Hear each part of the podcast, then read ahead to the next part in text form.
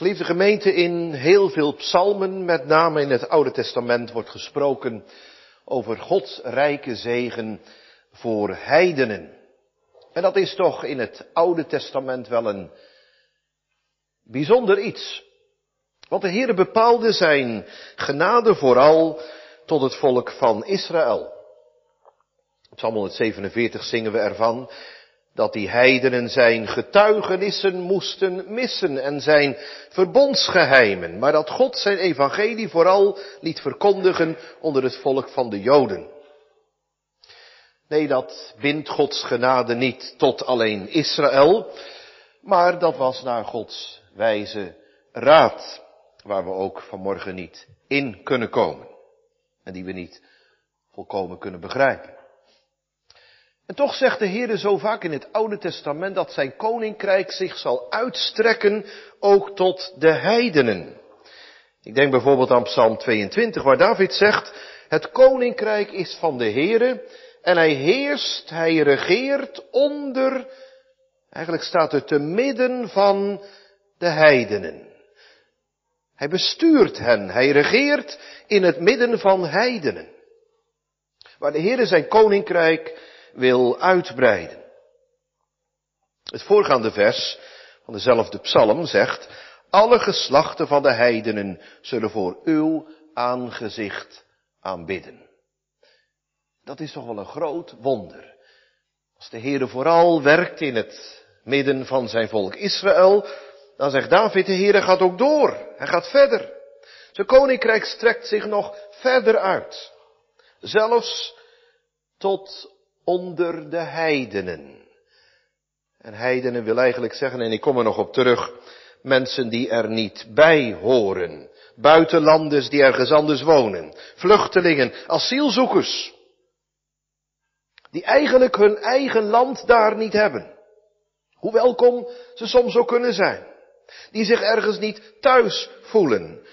En dan zit er in dat woordje heiden ook nog een hele negatieve context van iemand die van alles mist. Het woord van God, het evangelie en toekomst. Nou zegt David, de Heere heerst onder heidenen. Hij breidt zijn koninkrijk te midden van hen uit. En wat geeft dat vanmorgen? Een geweldige toekomst en hoop en verwachting. Voor u of voor jou die moet zeggen, eigenlijk ben ik ook zo'n heiden die God niet kent, niet dient en ten diepste ook eigenlijk niet nodig heeft. God zegt, ik ga met mijn werk door. En we willen daar vandaag twee keer en volgende week zondagmiddag ook bij stilstaan. Vanuit de handelingen van de apostelen. Vanmorgen vanuit vers 48 van handelingen 13. Vanmiddag het vierde vers uit handelingen 14.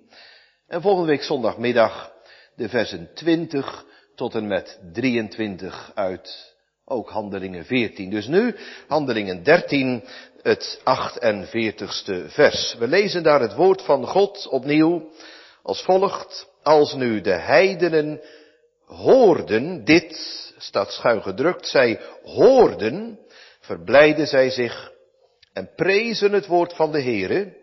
En er geloofden zoveel als er geordineerd waren tot het eeuwige leven. We letten vanmorgen gemeente op het thema zaligheid voor de heidenen. In drie gedachten.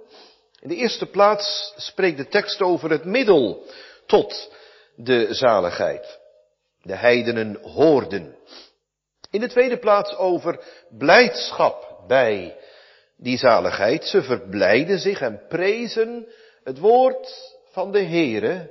Daarmee wordt bedoeld het woord van de Heer Jezus. Van de verhoogde Curios, blijdschap. En in de derde plaats het fundament van de zaligheid. Er geloofden zoveel als er geordineerd, verkoren, verkozen waren, verordineerd tot het eeuwige leven. Dus zaligheid voor de heidenen. In de eerste plaats het middel tot die zaligheid, vervolgens de blijdschap bij die zaligheid. En in de derde plaats het fundament van die zaligheid. Gemeente waren grote wonderen gebeurd al direct aan het begin van Paulus' zendingsreis. Want een heiden, iemand die er niet bij hoorde bij het volk van Israël en die niet bij God behoorde, werd zalig. Sergius Paulus op het eiland Cyprus. Ik laat verder de geschiedenis voor wat die is, u kunt het nalezen. Maar een geweldig groot wonder. De Heere kwam in zijn leven, God kwam eraan te pas. En ondanks allerlei tegenstand aan zijn stadhouderlijke hof, het was bijna een soort koning zou je kunnen zeggen, tegenstand van de tovenaar die daar was, Elimas, Bar Jezus, heeft God rijk willen werken. Bijna direct daarna gaat Paulus en Barnabas gaan zij met elkaar terug naar het vasteland, niet richting Israël, waar vandaan ze kwamen, of Antiochië boven Israël eigenlijk, in Syrië, maar ze gaan verder naar Klein-Azië, het huidige Turkije. En de gemeente hebben ze een aantal gemeenten bezocht, waaronder ook Antiochië, waar het vanmorgen over gaat. En dan gebeuren wonderen. Daar preekt Paulus, hij wordt ertoe uitgenodigd als er enig woord van vertroosting is bij u, zeggen de oversten, de, je zou kunnen zeggen de kerkenraad van de synagoge, zo spreekt. Maar ja gemeente, het was een heel andere kerkenraad dan die hier is, want diezelfde kerkenraad heeft na één week het Paulus verboden om nog langer het woord van God te verkondigen. Nou, dat zal niet gebeuren, denk ik, in deze week. Ze waren er tegen. Want het evangelie van Gods genade, dat prikte hun hart als het ware. Nee, niet in de zin van handelingen 2, verslagen van hart. Er staat ook zoiets van, ze werden geprikt in hun hart. Het raakte hun hart. Maar in vijandschap, in haat met afkeer hebben ze zich van Paulus willen ontdoen. En aan die eerste zondag lezen we dat de Joden, dus ook de overste van de synagoge, de kerk zijn uitgegaan en daartegenover de heidenen vroegen of ze op de volgende zondag hetzelfde woord mochten horen. Er kwam scheiding. En je ziet dat voortdurend terugkomen in de handelingen, ook in Paulus' eerste zendingsreis. Scheiding tussen Jood, vaak afkerig van Gods woord, en heiden, vaak belangstellend voor de boodschap van genade. Je zou het precies andersom verwachten. Joden bekeerd en heidenen die zich afkeren. Nee, het koninkrijk van God is ook onder de heidenen. Hij heerst daar. Zover de wildste volken wonen, zingt een van de psalmen tot hem bekeerd, opdat zo, zingt psalm 67, de blindste heiden, nu van God gescheiden, zijn heil erkennen. En dat gebeurt. En het eerste gemeente waar de tekst ons de aandacht voor vraagt is dat woord van God. Van dat deed kracht. Niet Paulus' gedrag, hoewel dat natuurlijk in overeenstemming moet zijn met het woord van God en het ook was. Niet allerlei mooie verhalen, niet allerlei gebeurtenissen, niet de situatie van het moment, maar het woord. En laten we met elkaar nu eens even nagaan wat daar allemaal is gezegd. Een lange preek, die begint in vers 26 en die helemaal doorgaat naar vers 41. Dat zijn 26 versen. Eh, vers 16 tot en met 41. 26 versen. Een lange preek. Ja, niet alles wat Paulus gezegd heeft is in de Bijbel terechtgekomen. Maar alleen de samenvatting al gemeente laat ons zien dat Paulus geruime tijd heeft gepreekt. Wat wordt er nu, al, wat wordt er nu allemaal gezegd? Nou, hij begint gemeente bij het grote wonder dat God zijn volk uit Egypte heeft verlost. Dwars door de Rode Zee heen en door de woestijn van onmogelijkheid bracht hij hen na veertig jaar in Canaan. En de zeven volken die daar woonden werden overwonnen. Ook alweer zo'n onmogelijkheid. En de Heer heeft al die jaren, zegt Paulus, hun zeden, hun gedrag verdragen in de woestijn. En we weten dat dat gedrag gemeente lang niet altijd in overeenstemming was met het woord van God. God verdroeg hen. Ik, de Heere, uw God, ben een God die barmhartig is. Ja, ook de misdaad vergeldt aan de vaderen, van de vaderen aan de kinderen en aan hun kinderen. Maar ik ben de Heere, uw God, die genadig en ontfermend wil zijn. En dat bleek al direct uit het begin van de preek. God is een God van wonderen. En dat zeg ik vanmorgen ook tegen u. God is een God van wonderen. Die de grootste tegenstand in onze harten kan overwinnen, doorbreken en wegnemen. En dan gaat het over Israël, dat land wat ze kregen met die richters en met die koningen. God zorgde voor zijn volk, vers 19 tot en met 22. En direct daar vandaan neemt Paulus een hele grote sprong en spreekt hij over de Heer Jezus. Dan komt zo'n kernvers in vers 23 van het zaad van Abraham, het nageslacht, of van David en ook van Abraham, het nageslacht van Abraham, Isaac en Jacob, het nageslacht van David, heeft God naar de belofte de zaligmaker verwekt. Aan het begin van de preek al gaat het over de zaligmaker, Jezus. Want elke woordbediening gemeente buiten en zonder hem is geen preek. Dat drijft ons op onszelf terug en van God af. Paulus zegt, God heeft voor een zaligmaker gezorgd. Hij verwekte hem. Hij heeft hem voortgebracht. Uit de stam die de Heere daartoe heeft aangewezen. Waaruit David ook voortkwam, van Benjamin. Stam, van Juda, de stam die God daartoe heeft aangewezen. En, en die zaligmaker van, ja het staat er eigenlijk dubbel, die draagt de naam Jezus. Jezus, zaligmaker, zaligmaker staat er eigenlijk. God heeft de zaligmaker, Jezus, zaligmaker gegeven. Nou, dan gaat het verder over Johannes de Doper. En over het geslacht van Abraham. Paulus spreekt de Joden aan en over u die God vrezen. Daarmee wordt bedoeld de heidenen die leefden naar het woord van God. Nog niet direct zo Godvrezend in hun hart. Het woordje vrezen van de Heer in de handelingen wil zeggen leven zoals de Joden dat deden, naar de wetten. We zouden zeggen kerkmensen zijn ze geworden. Dus Jood en Heiden, God heeft die zaligmaker tot u gezonden. Wie u ook bent. En dan komt vers 26, weer zo'n kernwoord. Tot u is het woord van de zaligheid gezonden. Tot u Joden, maar ook tot u die God vrezen, die uiterlijk leven naar de wetten van Israël, de Godvrezenden, de heidenen, die in de kerk zitten. Tot u allemaal. En de toepassing van morgen gemeente is eenvoudig. Tot ons allen is die zaligmaker gezonden. Hij komt vanmorgen ook tot u en naar jou toe. Of je een Jood of een heiden bent. Nou, dan spreekt Paulus nog wat over het sterven van de Heere Jezus. En over het feit dat Davids lichaam wel ontbonden is, wel tot verderving overging, maar het lichaam van de Heere Jezus niet. In de schriftlezing werd dat heel goed beaccentueerd. Jezus lichaam ging niet tot verderving over, in tegenstelling tot dat van David, wat wel tot verderving, tot ontbinding overging. Zelfs in het graf bleef hij dezelfde.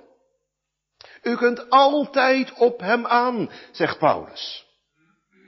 En dan komt weer zo'n kernvers. Vers 38. Dus eerst vers 23. Van het zaad van David heeft God Israël naar de belofte verwekte zaligmaker Jezus.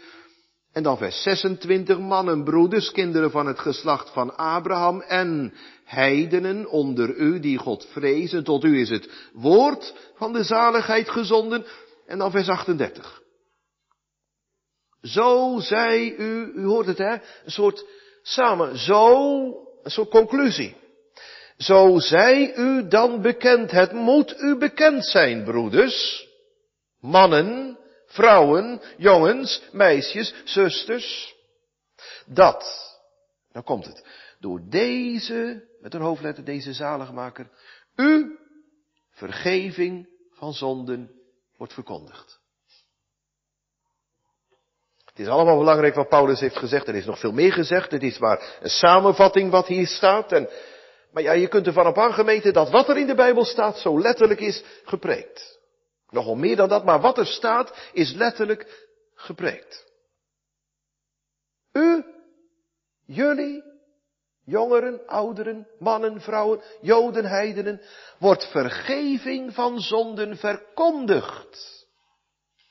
Dat is meer dan er wordt over gepraat. Er wordt wat over getheoretiseerd. Er wordt een prachtig bevindelijk verhaal gehouden, of juist een exegetische uiteenzetting, verkondiging. Aanzeggen van het heil. Paulus zegt, ik verkondig u de vergeving van zonden. U allemaal. Betekent dat dat ze allemaal vergeving van zonden hadden ontvangen? Nee, dat blijkt wel uit het vervolg. De Joden keerden zich ervan af. Betekent dat dat ze allemaal vergeving van zonden zullen gaan ontvangen? Dat is ook niet denkbaar. Het zou wel kunnen. God kan ons allemaal zalig maken. Die heeft op de Pinksterdag 3000 zondaren in één ogenblik tot hem bekeerd. God kan dat doen. Maar gemeente, ook al zou dat niet gebeurd zijn, en we hebben alle reden om dat ook aan te nemen, dat niet alle mensen vergeving van zonde daar in Antiochieën ontvingen in de kerk. Ik durf dat niet te zeggen dat dat hier zo is. God weet dat precies. Maar nochtans, niettemin wordt dat woord van vergeving tot alle mensen gebracht, ook tot u. Je kunt de tekst wat gewrongen uitleggen en zeggen, ja, hier worden vast wel de uitverkorenen mee bedoeld. Dat staat nergens in de Bijbel. Ik heb niet één verklaring gelezen die dat zegt. Dus dat wordt er ook niet mee bedoeld. Wat dan wel? Al die mensen daar in de kerk in Antiochië, door middel van die preek van Paulus, wordt gezegd, God is een God die uw zonden vergeven kan en vergeven wil. Ga naar Hem. Door de Heer Jezus. Want in die drie kenteksten die ik u noemde, gemeente, wordt zijn naam of wordt zijn persoon uitdrukkelijk vermeld. De zaligmaker Jezus. Het woord van de zaligheid. En vergeving van zonden door hem. En dat woord gemeente brengt Paulus in de gemeente van Antiochië. En na die ene preek op die zaterdag ik laat verder het probleem even achterwege dat er nog op zaterdag diensten waren en later werd dat de zondag. Dat is een hele andere uh, discussie, ook niet gemakkelijk trouwens, theologisch ook niet, daar in de Bijbel dan. Wanneer dat precies overging. Maar na die ene preek komen de heidenen en zeggen, Paulus, alsjeblieft vertel datzelfde woord volgende week zondag weer. Het raakte hun hart. En Lucas vat het allemaal samen met één werkwoord, horen. Dat betekent met je oren iets opvangen en het gaat ook naar binnen toe. Horen. Het Griekse woordje horen en ook het woordje zien heeft vaak iets van horen wat je ook horen wil. En horen wat je ook horen moet. Dus horen met vrucht, met zegen. Luisteren zeggen we dan in het Nederlands. Maar ja, je kunt luisteren en nog niets horen. Als je probeert iets op te vangen en het wordt niet verkondigd, dan luister je wel in de kerk, maar je gaat teleurgesteld naar huis. Andersom kan ook die dominee kan van alles verkondigen, maar mensen luisteren niet. En hier komen die twee dingen bij elkaar. Het woord wat ze graag horen willen, wat hen tot nut zal zijn, wordt opgevangen, wordt verkondigd, geeft vrucht. Ze horen. Heel hun hart, gemeente, wordt verklaard. Hun leven wordt uitgelegd. De aders van hun levensbron gaan stromen. De zenuwen van hun leven worden geraakt in de positieve zin. En ja, daar kan ik van allerlei dingen gaan opnoemen wat er gebeurt. Ik kom daar zo in het tweede punt nog even op terug. En wat ze ervaren van binnen en, en, en, en, en wat ze misschien hebben gezegd. Hoe hun leven verandert. Maar één woord is genoeg om dat helemaal samen te vatten. Ze horen. Ze horen het getuigenis van de levende God. We gaan daarvan zingen. Mijn ziel bewaart uw trouw getuigenis. Psalm 119 vers 84. Dat heb ik lief. Ook doe ik uw bevelen. Uw woord kan mij, ofschoon ik alles misse, door zijne smaak en hart en zinnen streden. Gij weet mijn weg en hoe mijn wandel is. Ik wil niets daarvan voor u, mijn God, verhelen. Verhelen betekent achterlaten. Ik wil alles aan u bekendmaken voor u neerleggen. Psalm 119, we zingen daarvan nu het 84ste vers. Weet wat gebeurt er nu in hun leven? Er staan twee dingen. Ze verblijden zich. Het staat met twee D's, dus het is verleden tijd. Ze hebben zich verblijd. En ze prezen, ook verleden tijd, het woord van de Heer. Lucas kijkt terug en hij zegt, weet je wat er nu gebeurde daar in Antiochië bij die heidenen? Die mensen die gingen horen. Diegenen onder hen die werkelijk God gingen dienen. Ze waren eerst bij de kerk gekomen en werden genoemd de Godvrezenden. Hè? Net als Lydia, ze diende God voordat haar hart open gaat, staat het er al. Of Cornelius, hij vreest met heel zijn huis God voordat de Heilige Geest op hem valt. Het is niet genoeg om naar de kerk te... Weet je wat er gebeurde met die kerkgangers? Zie je gemeente dat de Heer vooral werkt in zijn kerk, of dat nu op een zendingsterrein is of een evangelisatiepost, dat maakt allemaal geen verschil. Maar in de bedding van het woord, daar werd God, of thuis als je luistert. Weet je wat er gebeurde, zegt Lucas? Als God in je leven komt, ja wat gebeurt er dan? Laten we eerst eens proberen om even afstand te nemen van de tekst en er van afstand even wat naar te kijken. Wat gebeurt er nu als God in je leven komt? Als ik dat zou gaan vragen, gemeente, en u zou wat moeten opschrijven, of jij, of ikzelf, dan denk ik dat we allerlei dingen zouden horen, zo van, dan krijg je last van je zonde. Dan ga je de Here zoeken. Of dan wordt de liefde van God in je hart uitgestort. Of word je ongelukkig, want je kunt niet voor God bestaan. Of je beseft in één keer dat het eeuwigheid wordt en dat je, wanneer je zo sterft zoals je nu leeft, je God niet ontmoeten kunt, dat er een wonder gebeuren moet. Of je krijgt zoveel last van je zonde dat je nergens anders over denken kunt. Ik liet niet af, zegt David wellicht in Psalm 119, mijn hart en oog op te heffen naar omhoog. En in Psalm 38, die last van zonde en plagen. Of je probeert het weer in orde te maken met God. Je werkt terug naar de Heer op God aan. Of de Heer breekt je af aan al je eigen werk en je eigen godsdienst. Dat staat er allemaal niet. Dan moeten we niet gemeente de conclusie maken en zeggen al die dingen zijn niet belangrijk. Daar stappen we maar overheen. Dat wordt in onze dagen ook wel eens vaak gezegd. Aan allerlei kanten gemeente kunnen we dat woord van de Heer wat, ja, wat, wat versmallen. Het evangelie eraf. Of de wet eraf. Nee, dat wordt allemaal hier niet bedoeld. Als dat er niet staat in de tekst, betekent niet dat die dingen niet belangrijk zijn. Want als God in je leven komt, dan krijg je last van je zonde. En dan ga je de zonde proberen te vermijden. En beleiden voor God. En doet het pijn van binnen dat je tegen God gezondigd hebt. En je zoekt de weg naar God terug. En je legt je zonde voor God neer. En de droefheid naar de Here werkt. Vanuit de liefde tot God. Op Hem aan. En God neemt inderdaad alles weg wat Jezus niet is om hem alleen over te houden. Maar dat staat hier niet. Wat betekent dat? Niet dat het niet belangrijk is, zei ik. Maar ja, we kunnen het niet meer aan Lucas vragen, hè, waarom hij dat niet heeft opgeschreven. Waarom staat er nu niet, net als bij Manasse, toen God hem bekeerde, ging hij naar God roepen, 2, 2 Kronieken 33. Of bij Paulus, drie dagen en nachten heeft hij niet gegeten en gedronken op zoek naar God. Of die moordenaar aan het kruis die zijn zonde beleed. Of de tollenaar in de gelijkenis die schreeuwt tot God om genade. Waarom staat dat er niet?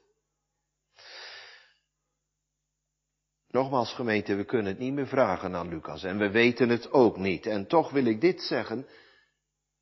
De Heer heeft in ieder geval de bedoeling ermee dat u in al die dingen die ik zo even opnoemde, droefheid naar God en berouw over je zonde en, en, en noem het allemaal, dat je daar je leven niet in zoekt. Hoort u dat? Dat je daar je leven, het leven met God bedoel ik niet in zoekt. Zo van ik heb last van mijn zonden en ik beleid mijn schuld voor God en dan komt het allemaal wel weer goed. Dat kan gemeente vergun met woord in de rechtzinnige, zware godsdienst zo zijn. Jezus is onbereikbaar en ik ervaar het toch niet in mijn leven. En ja, ik steek daar maar wat in en, en daar blijf ik ook in steken. Die, die schuld en die zonde. Maar kan ook in de oppervlakkige godsdienst zo zijn. Als ik mijn schuld maar beleid voor God, komt het wel weer goed. En gemeente, daar kun je ook niet het leven van genade aan mee kwalificeren, zoals je nu je zonde maar kent en je beleidt ze voor God en noem die dingen nog maar weer op, dan, is het allemaal waar. En als dat niet zo is, dan is het niet waar. Hier staat gemeente niet een stuk theorie, maar praktijk. Wat gebeurt er nu als God je God wordt? Als Jezus je zaligmaker is? Als de Heere in je leven werkt? Dan is er blijdschap. En dan niet in de zin van God verblijde hen, ze werden blij, nee, zij verblijden zich. Heel actief. Verheugd in God, zingt David. Psalm 32. Naar waarde nooit genoeg te danken. Dus als de Heer in je leven komt, dan kun je dan één ding herkennen. Van binnen, maar ook naar buiten toe, verblijd. En wat houdt die blijdschap dan in? Ik wil vier dingen noemen voor morgen. Je hoeft het allemaal niet te onthouden, maar het is eigenlijk wel heel logisch zoals het hier in de Bijbel staat. Zoals ik dat probeer wat uit te leggen. Althans, ik hoop dat dat begrijpelijk is. Het eerste gemeente wat je opvalt is, het staat precies na het woordje horen. Dus ze horen en verblijden zich. Het heeft alles te maken met die preek. Met het woord van God. Leeft er vanmorgen geen vreugde in je hart, blijdschap. Ook al kun je het allemaal niet zo goed uitleggen in woorden, dat je weer naar de kerk mocht gaan. Zo niet, dan is er iets grondig mis. Ja, kan natuurlijk aan mij liggen of aan een ouderling die leest. Maar even buiten dat, als je gemeente geen vreugde hebt vanwege dat woord van God, dan klopt er iets vanmorgen niet, toch? Denk dat er niemand in de kerk is die dat ontkent. Je gaat niet alleen naar de kerk om zomaar met elkaar wat te praten, ook dat mag. Dat is ook nog een grote zegen van het kerk zijn, samen. Om een kopje koffie te drinken naar de kerk als dat er is. Nu is dat wat lastig, maar. Of om elkaar te informeren hoe het gaat. Je gaat naar de kerk voor Gods woord. En dan is er blijdschap, vreugde in je hart. Dat is het eerste twee gemeenten vanwege die boodschap zelf, wat Paulus preekt. Niet alleen die Bijbel die ik aan mijn hart druk, maar ook die boodschap die verkondigd wordt. Ik verkondig u grote blijdschap. Dat u heden geboren is, zo klonk het daar in de velden van Efrata. De Christus in de stad van David. En wat waren die herders blij? Ze hadden helemaal geen Bijbel, maar ze verblijden zich vanwege die boodschap. Dan zeg je vanmorgen, en ik kleur het maar wat in, dan kan ik nog zalig worden. En wat geeft dat ook vreugde in je hart? Ga nog een stapje verder. Paulus spreekt over de Heer Jezus. En die zaligmaker hebben ze niet alleen nodig gekregen, maar ook leren kennen. Ze hebben hem door het geloof omhelst. En wat geeft dat een vreugde in je hart? Als je komen mag bij de kribbe van Bethlehem. En daar Jezus mag zien liggen door het geloof. Je staan mag bij het kruis van Golgotha. En de zaligmaker mag zien hangen. Het lam van God. Zo predikt Johannes. Ook daarover werd gesproken. Hè? Johannes de doper, ik ben de Christus niet, maar hij staat onder u. Wat geeft dat vreugde? Als Jezus jouw zaligmaker is. En je hem beleiden mag. Grote vreugde en blijdschap op aarde gemeente ken ik niet. En kent niemand die God mag dienen. Vreugde vanwege de Bijbel, de kerkdienst zeg maar. Vreugde vanwege de boodschap, de verkondiging van het woord. Vreugde vanwege Jezus.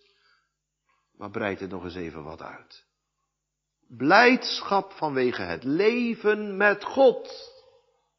Psalm 100, de honderdste psalm. Dient de Heere met blijdschap.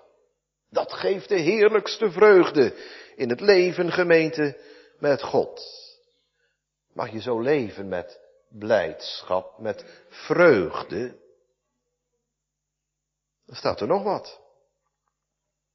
En prezen, in één adem noemt Lucas het op, het heeft ook alles met die blijdschap te Ze prezen het woord van de Heere. Prijzen. Ik heb zomaar wat in het woordenboek gekeken, het Griekse woordenboek, wat ik heb. Een van de twee. En daar troffen mij een aantal dingen. En ik noem ze gewoon maar op. Prijzen betekent in de eerste plaats eren, hoogachten, zeg maar. Die Bijbel, daar gaat het over, het woord van de Heer, of die boodschap van de Bijbel. Het woord van de Heer Jezus wordt geëerd, wordt hoog geacht, hoog achten. Hoog zien, een hoge plaats toekennen, eren. Je eert elkaar als man en vrouw, als het goed is door de liefde, maar je eert ook God. En de Bijbel. En die komt dan gemeente op de hoogste plaats. In Amerika, waar we zo'n bijna vier jaar gewoond hebben, moest ik vaak naar de school. En die lag vlak naast ons huis. Eén, twee minuten lopen en dan kwam je daar op de school. Van de kindergarten van vijf, zes jaar tot een jaar of vijftien. En dan moesten dan eens in de paar weken een ouderling of de dominee of andere iemand van de gemeente een, een, een dagopening doen, of weekopening of weeksluiting. En een van die keren, ik herinner mij nog dat ik, misschien op een maandagmorgen of vrijdagmiddag, ik weet niet meer wanneer, opening of sluiting van zo'n week, in een kleuterklas was. Althans van vijf, zes jaar. En ik legde mijn Bijbel neer en ik legde wat op die Bijbel, een, aantekeningenblad of een papier. En een van die, van die kinderen zei, dat mag niet. Dat is niet geoorloofd. Waarom niet? Nou, die Bijbel moet bovenop liggen. Niks mag op dat woord van God worden gelegd. Dat is hun cultuur. Ik vond het wel een mooi voorbeeld. En zo staat het eigenlijk hier ook. Die Bijbel moet bovenaan liggen. Nou, wij leggen wel eens wat op een Bijbel. Ik heb er zelf geen enkele moeite mee en u ook niet. Maar letterlijk en figuurlijk, dat moet bovenaan liggen. Dat moet het belangrijkste in mijn leven zijn. En zo staat het hier. Ze prijzen Gods woord. Ze drukken het helemaal naar boven toe. Nog een betekenis. Aanvaarden. Accepteren. Jacobus zegt in zijn brief, ontvangt met zachtmoedigheid, welwillend betekent dat. Het woord wat in u geplant wordt, is net als een zaad wat in je hart wordt geplant, wat uw zielen kan, als vrucht, kan zalig maken. Dus ze aanvaarden het woord. Ze accepteren wat de Bijbel zegt. En ze doen het ook. En als die Bijbel zegt dat moet je doen, dan doe je dat. En als die Bijbel zegt dat mag niet, dan doe je dat niet. Heel eenvoudig. Ze aanvaarden het woord van God. Nou, leg je hart er maar naast, dan doen we de hele preek als het goed is. Doe ik dat? En zo niet, dan is het de hoogste tijd om dat vanmorgen te beginnen te doen. Beginnen te doen. Om er een begin mee te maken. Om te zeggen, Heer, u wilt dat we u dienen, dat we naar u vragen, hier ben ik, arm verloren zondaar, maak mij zalig, o God, verzoen mijn schuld, o Heere Jezus. Die mensen aanvaarden het woord. En dan is er nog een betekenis, dus hoogachten. Heren, aanvaarden, maar ook lief hebben. Dat zit in datzelfde Griekse woordje wat Lucas gebruikt. Een, een, een, een, een lijn van liefde. Het sluit bij hun hart aan. Het geeft weerklank, lief hebben. David zegt, uw woord is zeer gelouterd. Dat betekent zoiets van helemaal puur. Het bedriegt me niet. En uw knecht heeft het lief. En ja, gemeente, dan raakt dat woordje prijzen, het woordje verblijden. Want die Bijbel en die boodschap heeft hun ziel geraakt. Hoe wonderbaar is uw getuigenis. Dies, daarom zal mijn ziel dat ook getrouw bewaren. Want de opening van uw woorden zal gewis, zeker, gelijk een licht het donker opdoen klaren. Zij geeft verstand aan slechten, aan eenvoudigen, die het gemis van zulk een glans een eeuwige nacht zou baren. Psalm 119, vers 65. We hebben gelet gemeente op het middel tot de zaligheid, het woord, de prediking. Op de blijdschap bij die zaligheid en nu als derde nog het fundament van die zaligheid. En er geloofden. Hoe moet je dat nu zien? Ze horen en dan komt de blijdschap en prijzen van het woord van God. Laten we zeggen het tweede stadium. En dan het derde stadium, het geloof. Zo staat het er. Dus eerst horen en dan verblijden en prijzen. Ik neem het nog even samen, die twee dingen. En dan als derde geloof. Ja, dan hebben we het weer op onze Nederlandse manier uitgelegd, weer in een systeem geplaatst. Want ja, zo staat het er, hè. En, en eerst horen en dan prijzen en, en dan geloven. Nou, allereerst gemeente taalkundig gezien hebt u gelijk in onze taal. Wij zetten dingen in een bepaalde orde. En dat is niet alleen een chronologische orde, maar vaak ook een, een logische orde, maar vaak ook chronologisch. Eerst dit en dan dat en dan dat. Maar in de Bijbel gebeurt dat vaak op een heel andere manier. Het wil nog echt niet zeggen dat iets wat er eerst staat ook eerst gebeurt en wat er later staat later gebeurt. Nog afgezien van het feit dat we er geen systeem van kunnen maken. Theologie, ja, daar kan me nog iets bij voorstellen. Een dogmatiek, een bepaald systeem van begrippen en concepten en, en, en je legt het op die manier uit. Nou, theologie is al wat lastiger om er een systeem van te maken, maar daar komt, daar kun je ook nog een eind mee weg. De Bijbel gaat al helemaal niet meer en als het gaat over bevinding, wat je ervaart in je hart. Ja, geweten, daar is geen systeem van te maken. En dat gebeurt maar helaas veel te veel. Eerst dit en dan dat en dan komt een keer dat en, en als je dat mist, nou ja, dan klopt het niet. En... Weet je wat Lucas hier bedoelt? Hij schrijft een paar dingen op hè, die heidenen horen en ze prijzen het woord. En dan zegt hij, weet je wat er nu gebeurde? En dan vat hij nog een keer samen. En er gelooft. Dus die mensen bij wie dat gebeurde, die noemt hij degene die geloofden. Hij vat het samen en kijkt terug. Kan natuurlijk niet gemeente dat je aan de Here verbonden bent en dat dat geloven nog niet is. Ja, de bewustheid, dat is wat anders. En dat je het allemaal weet en, en zekerheid krijgt. Maar dat geloof, dat functioneert van het allereerste begin dat God in je leven komt. En dan moeten we het maar niet te veel theo betheoretiseren en in een systeem plaatsen. Dan preek je de weg met een kleine letter in plaats van de weg, Jezus zelf. Ik ben heel bang dat dat in onze dagen al meer gebeurt. Ik bedoel dat echt niet polariserend of polemisch of stekend of... Maar gemeente, zo lees je toch niet ook in de Puritijnen en in de Hollandse oudvaders die die preken wat er in de Bijbel staat en, En als het dan gaat over bevinden, de een is bevindelijker dan de ander, dat klopt, dat is ook allemaal waar. Als u de oudvaders kent of de theologen van vandaag de dag die Gods woord zo uitleggen, dan is dat ook zo. Maar ze preken vanuit het woord van God het evangelie en hoe dat nu in je hart gestalte krijgt. En dan kan het zijn gemeente dat het systeem bij de een, de orde bij de een, heel anders verloopt dan die bij de ander. Vroeger hadden ze daar wat meer begrip voor. Wat de een van achter leert, leert de ander van voren of andersom. En die mildheid die ontbreekt nogal eens. Nou, ik weet ook niet allemaal waarom ik dat zeggen moet. Het staat niet om een schets, echt niet, maar ja, er geloofden. En wie waren dat dan, die geloven? Hoeveel waren dat er? Dat is ook weer zo'n vraag. Hoeveel?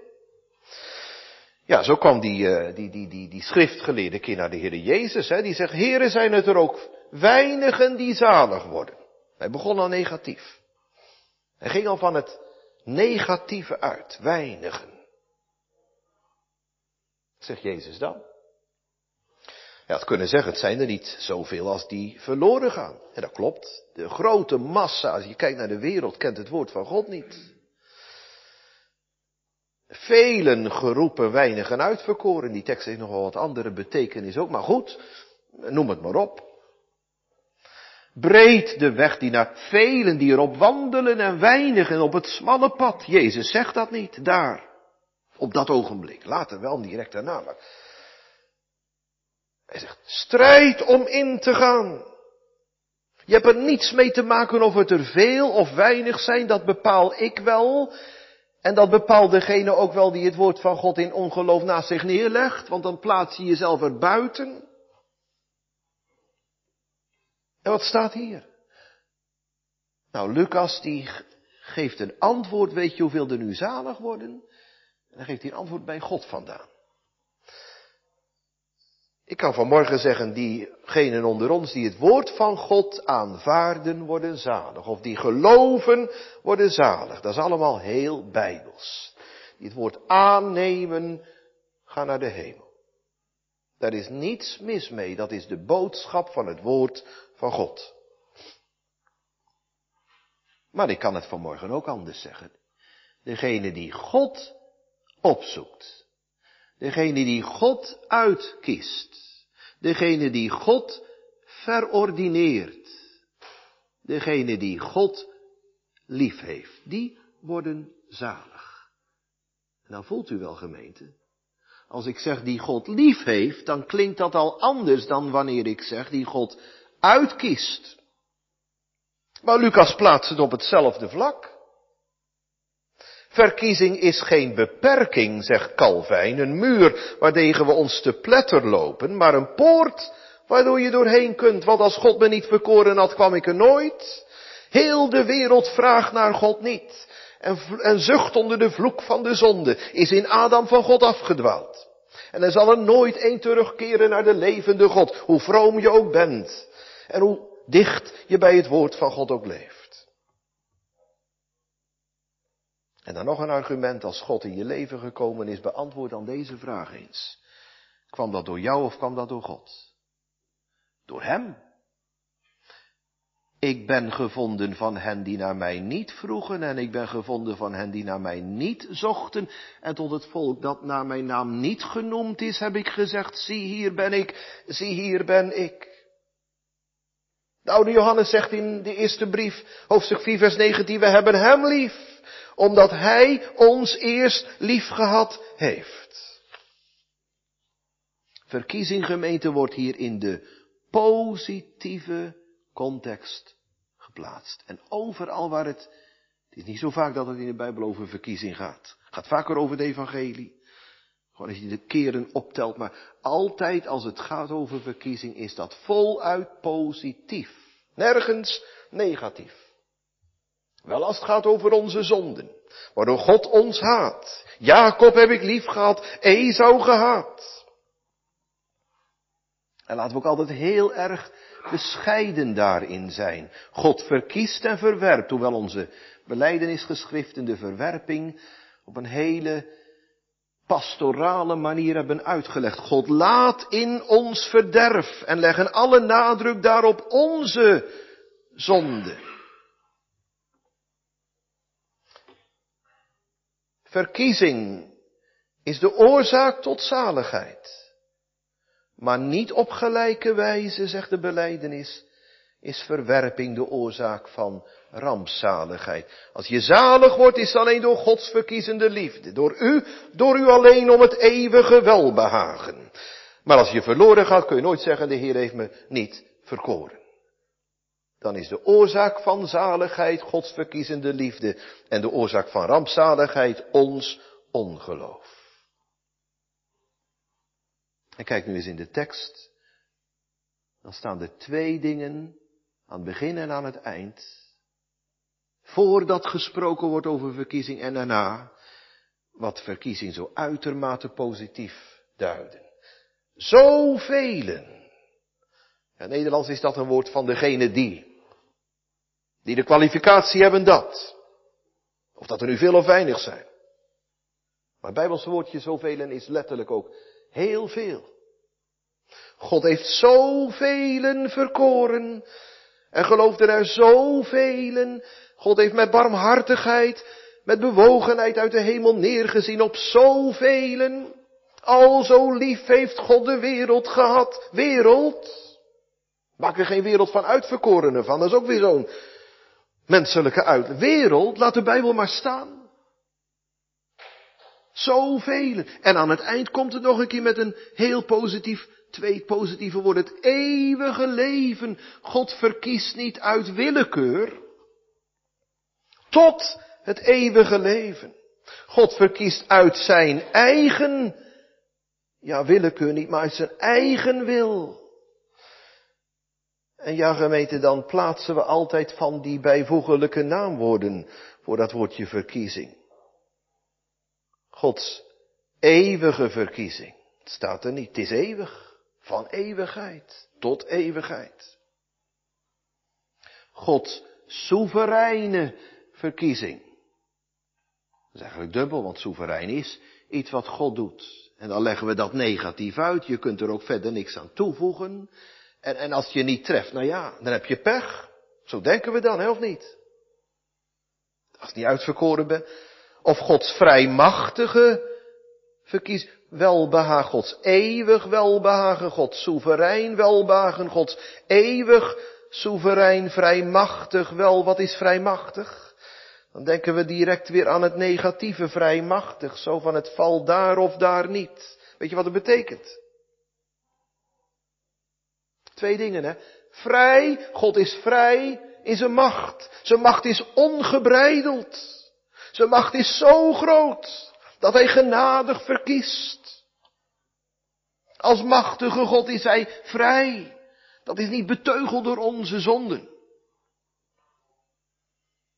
En ook als God is hij machtig om vrij te maken. Als u het dan heeft, dan hoeven al die bijvoeglijke naamwoorden niet te gebruiken over dat vrijmachtig welbehagen. Dan betekent het, God is zo machtig dat hij me vrij maken kan. Hoort u het? Geen muur waartegen je je te pletten loopt, maar een poort. En ja, gemeente, we kunnen dat niet in overeenstemming brengen of niet rijmen. Niet op één lijn brengen met het aanbod van genade. Ik kom daar vanmiddag nog wat op terug. En volgende week zondagmiddag. Dat God het evangelie aan je hart legt. En dan moet je er ook maar niet een systeem van proberen te maken. Sommige mensen die plaatsen die uitverkiezing erboven. En die maken het verbond ervan afhankelijk. Anderen doen het net andersom. Die zeggen, we moeten die uitverkiezing maar wat, wat, wat, wat weglaten. God laat het naast elkaar staan. En dan nog als laatste dit. Als je dan toch vastloopt met allerlei vragen, hoe moet dat nu als ik uitverkoren ben, kom ik er toch en anders kom ik er nooit? Ik kan het nog begrijpen ook. Ik heb er ook mee geworsteld. Maar ja, gemeente, je moet daar niet over nadenken moet er niet mee bezig zijn. Je moet er niet mee werken. De verborgen dingen zijn voor God. En de geopenbaarde voor ons. Maar je dan toch last van hebt. Weet je wie je zalig worden? Dan geef ik twee antwoorden. Allen die. En laten we dat maar meer benadrukken dan alleen die. Allen die God heeft uitverkoren. Die worden allemaal zalig. Eén voor één. Wat een troost. Dan gaat God ook mij niet voorbij als het mij om hem te doen. Allen die uitverkoren zijn, het staat er, tot het eeuwige leven, zoveel geloofden. Jezus zegt het. Al wat mij de Vader gegeven heeft, Johannes 6 vers 37a, zal tot mij komen. Dat is uitverkiezing. Maar dan in diezelfde tekst. Niet onder beheersing van de uitverkiezing, maar daarnaast. Zegt Jezus. Weet je wie er nu zalig worden? Dat is een tweede antwoord. En die tot mij komt, zal ik, Jezus, zaligmaker, geens zins, nooit en te nimmer, in geen enkel geval, zal ik geen zins uitwerpen. Amen. Wij eindigen met dankgebed. Lieve Heere, getrouwe God, zegen het woord van dit morgenuur tot zaligheid en bekering, tot bemoediging en troost van uw volk en van uw kinderen. En tot eer van uw grote naam brengt u ons vanmiddag hier samen, lijfelijk hier in de kerk of aan ons verbonden, door de verbinding die u gaf. En zegen ons om Jezus wil. Amen.